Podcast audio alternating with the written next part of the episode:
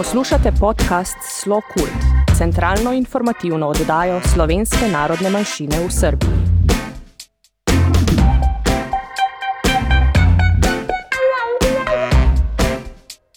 Dragi slušalci, dobrodošli u još jednu emisiju Slo Kult podcasta – informativnog portala namenjenog članovima slovenačke zajednice u Srbiji, slovencima po svetu i u Matici, kao i svim zainteresovanim za slovenačku kulturu i savremeno stvaralaštvo slovenačke zajednice u Srbiji. Naše emisije ispunjene su aktuelnostima u oblasti kulture i umetnosti u Sloveniji i Srbiji, najavama događaja, kao i razgovorima sa relevantnim gostima o zanimljivim temama vezanim za Slovence u Srbiji, Matici i svetu. U ovoj emisiji predstavit ćemo odabrane sadržaje koji su obeležili jun 2023. godine u Sloveniji, zatim informacije iz Srbije vezane za slovenačku kulturu, dok ćete u trećem delu emisije čuti zanimljivosti vezane za rubriku Upoznajmo znamenite Slovence. Vesti iz Slovenije U parku ispred Cankarevog doma u Ljubljani 10. juna održan je deveti festival dečije književnosti pod sloganom Okupljamo se svake godine zato što volimo da čitamo. Na štandovima je 20 izdavačkih kuća predstavilo svoja izdanja za mlade, a ova manifestacija otvorena je izvođenjem predstave Katje Pouše, slovenačke rediteljke lutkarskih predstava, pod nazivom Zlatni ključ sa lutkama i predmetima gospođice Bazilike.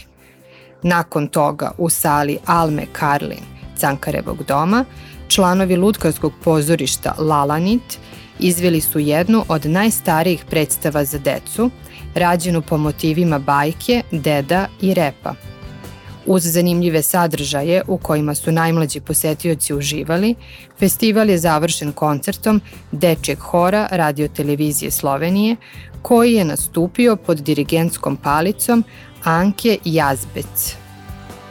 Od 16. do 18. juna održan je 41. festival Idrijske čipke u najstarijem slovenačkom čipkarskom centru Idriji koji je poznat i po čuvenoj školi u kojoj se generacijama neguje ova narodna radinost. Idrijska čipka izrađuje se preplitanjem niti pomoću šablona koji je pričvršćen na valjkastu podlogu, a ona se potom obično stavlja u malu korpu.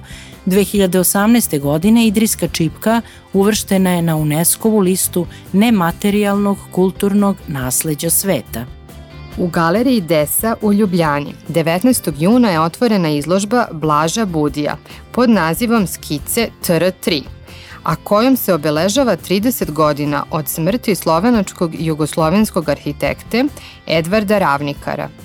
Ravnikar je svojom poetikom doprinao popularizaciji posebne verzije modernizma, a njegova arhitektura se opisuje kao arhitektura dijagonala, zato što objekti imaju oblik trougla i šestougla.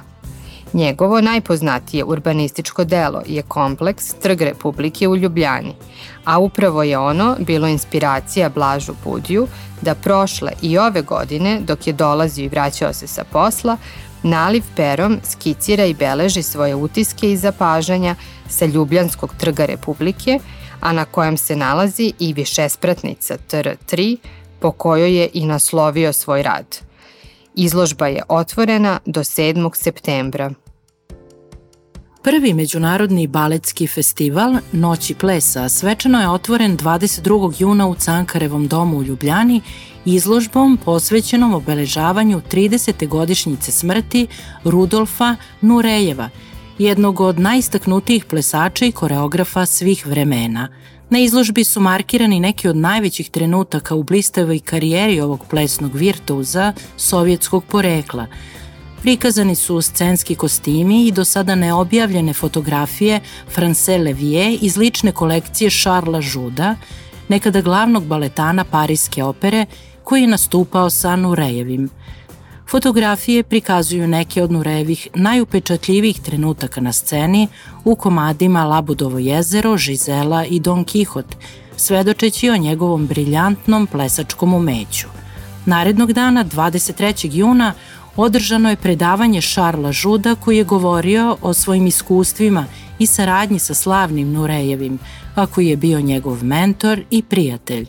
U okviru festivala predstavljen je film Bela vrana Ralfa Feinsa koji prati život Rudolfa Nurejeva, a posebno njegov beg na zapad 60. godina tokom prve evropske turneje tadašnjeg Leningradskog Kirov teatra. Na programu festivala bili su i balet Don Quixote u zajedničkom izvođenju članova opere i baleta iz Sofije i orkestra Slovenačkog narodnog pozorišta iz Ljubljane, savremeni baletski triptih Mit, Kišni psi, Apertura – u produkciji članova baleta Slovenačkog narodnog pozorišta iz Maribora, a potom i baletska predstava Ko to tamo peva u izvođenju članova Narodnog pozorišta iz Beograda. Izvođenjem baleta Veliki Gatsby Slovenačkog narodnog pozorišta iz Ljubljane 26. juna završen je prvi međunarodni baletski festival Noći plesa. U Beloj krajini je od 21. do 25. juna održan 59. po redu festival Jurijevanje. Ovo je najstariji folklorni festival u Sloveniji, koji slavi kulturnu raznolikost i nastoji da predstavi spoj tradicionalnog i modernog. Jurijevanje je kroz svoju istoriju imalo vitalnu ulogu u očuvanju kulturnog nasleđa Bele krajine, njenih igara, pesama i muzike, pozivajući i druge međunarodno priznate folklorne grupe i druge kulturne stvaraoce iz celog sveta da predstave svoje nasleđe. Kulturne informacije iz Srbije U prostorijama Nacionalnog saveta Slovenačke nacionalne manjine i Društva Sava 5. juna podeljene su zahvalnice direktorima škola u Srbiji u kojima se odvija nastava slovenačkog jezika.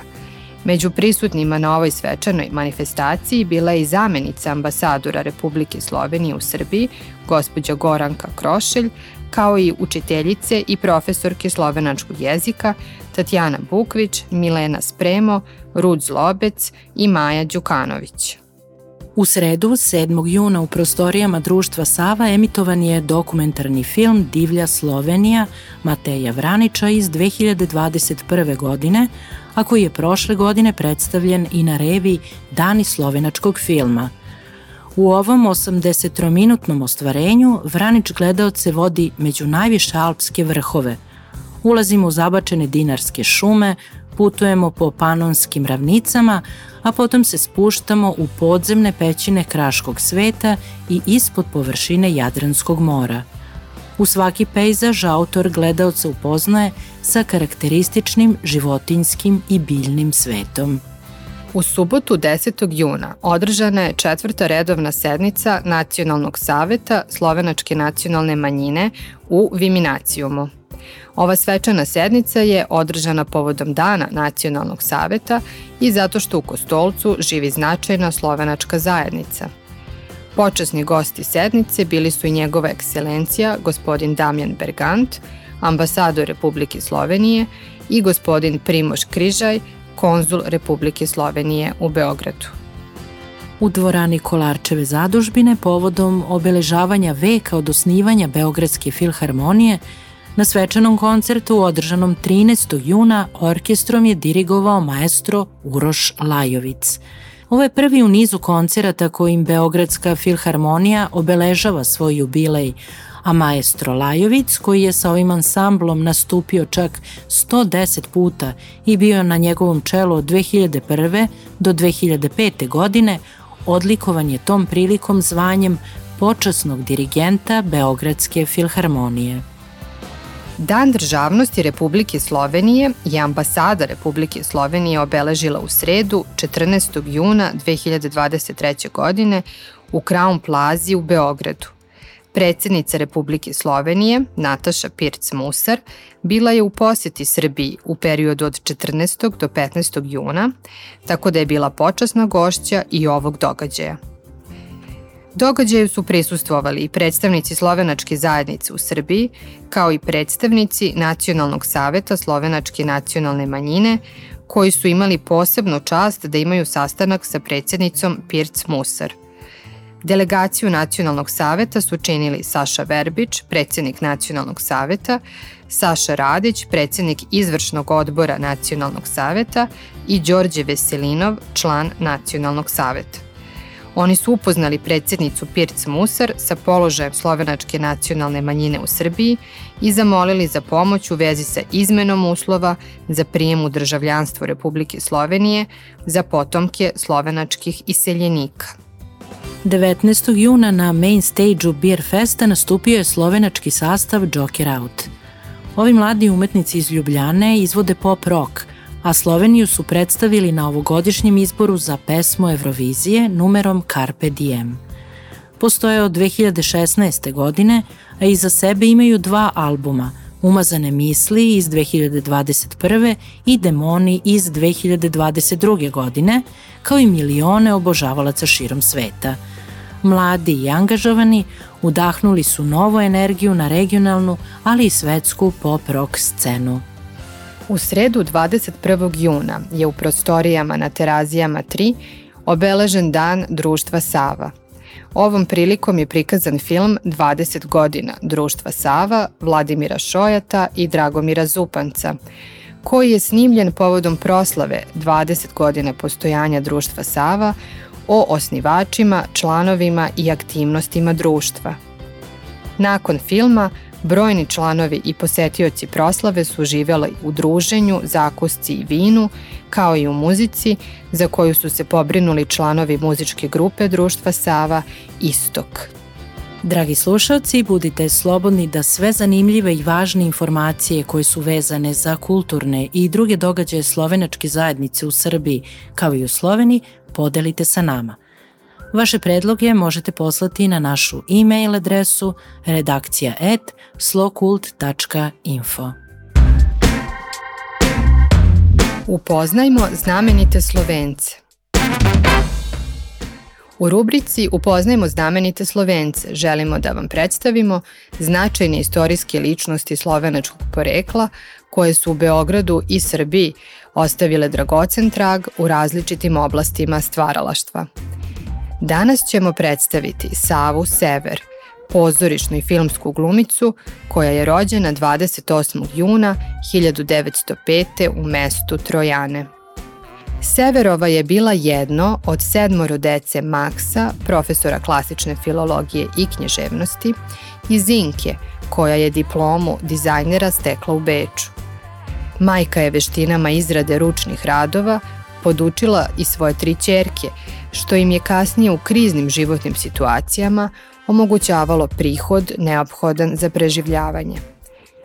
Osnovnu školu i gimnaziju pohađala je u Novom mestu i u Ljubljani, a posle završene gimnazije išla je na časove glume u privatnoj školi glumca Milana Skrbinšeka, dok je časove pevanja pohađala na konzervatorijumu. Glumu je studirala na institutu za pozorište u Berlinu. Sava Sever je glumačku karijeru započela u Ljubljani.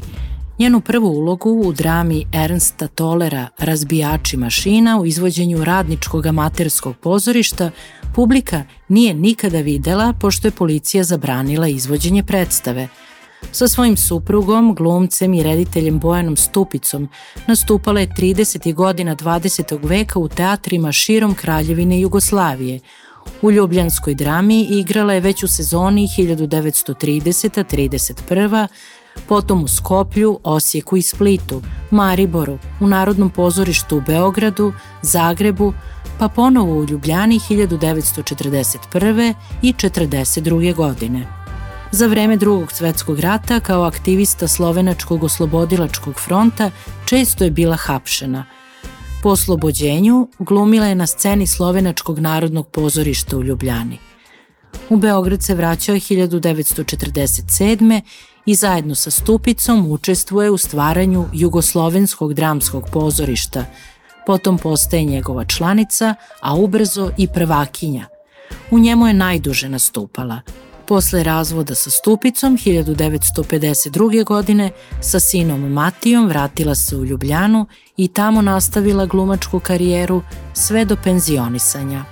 Tokom gotovo pet decenija glumačke karijere, Na brojnim scenama tadašnje Jugoslavije ostvarila impozantan broj uloga svetske i domaće, starije i nove dramske literature, a posebno su joj pristajale role psihološki komplikovanih žena.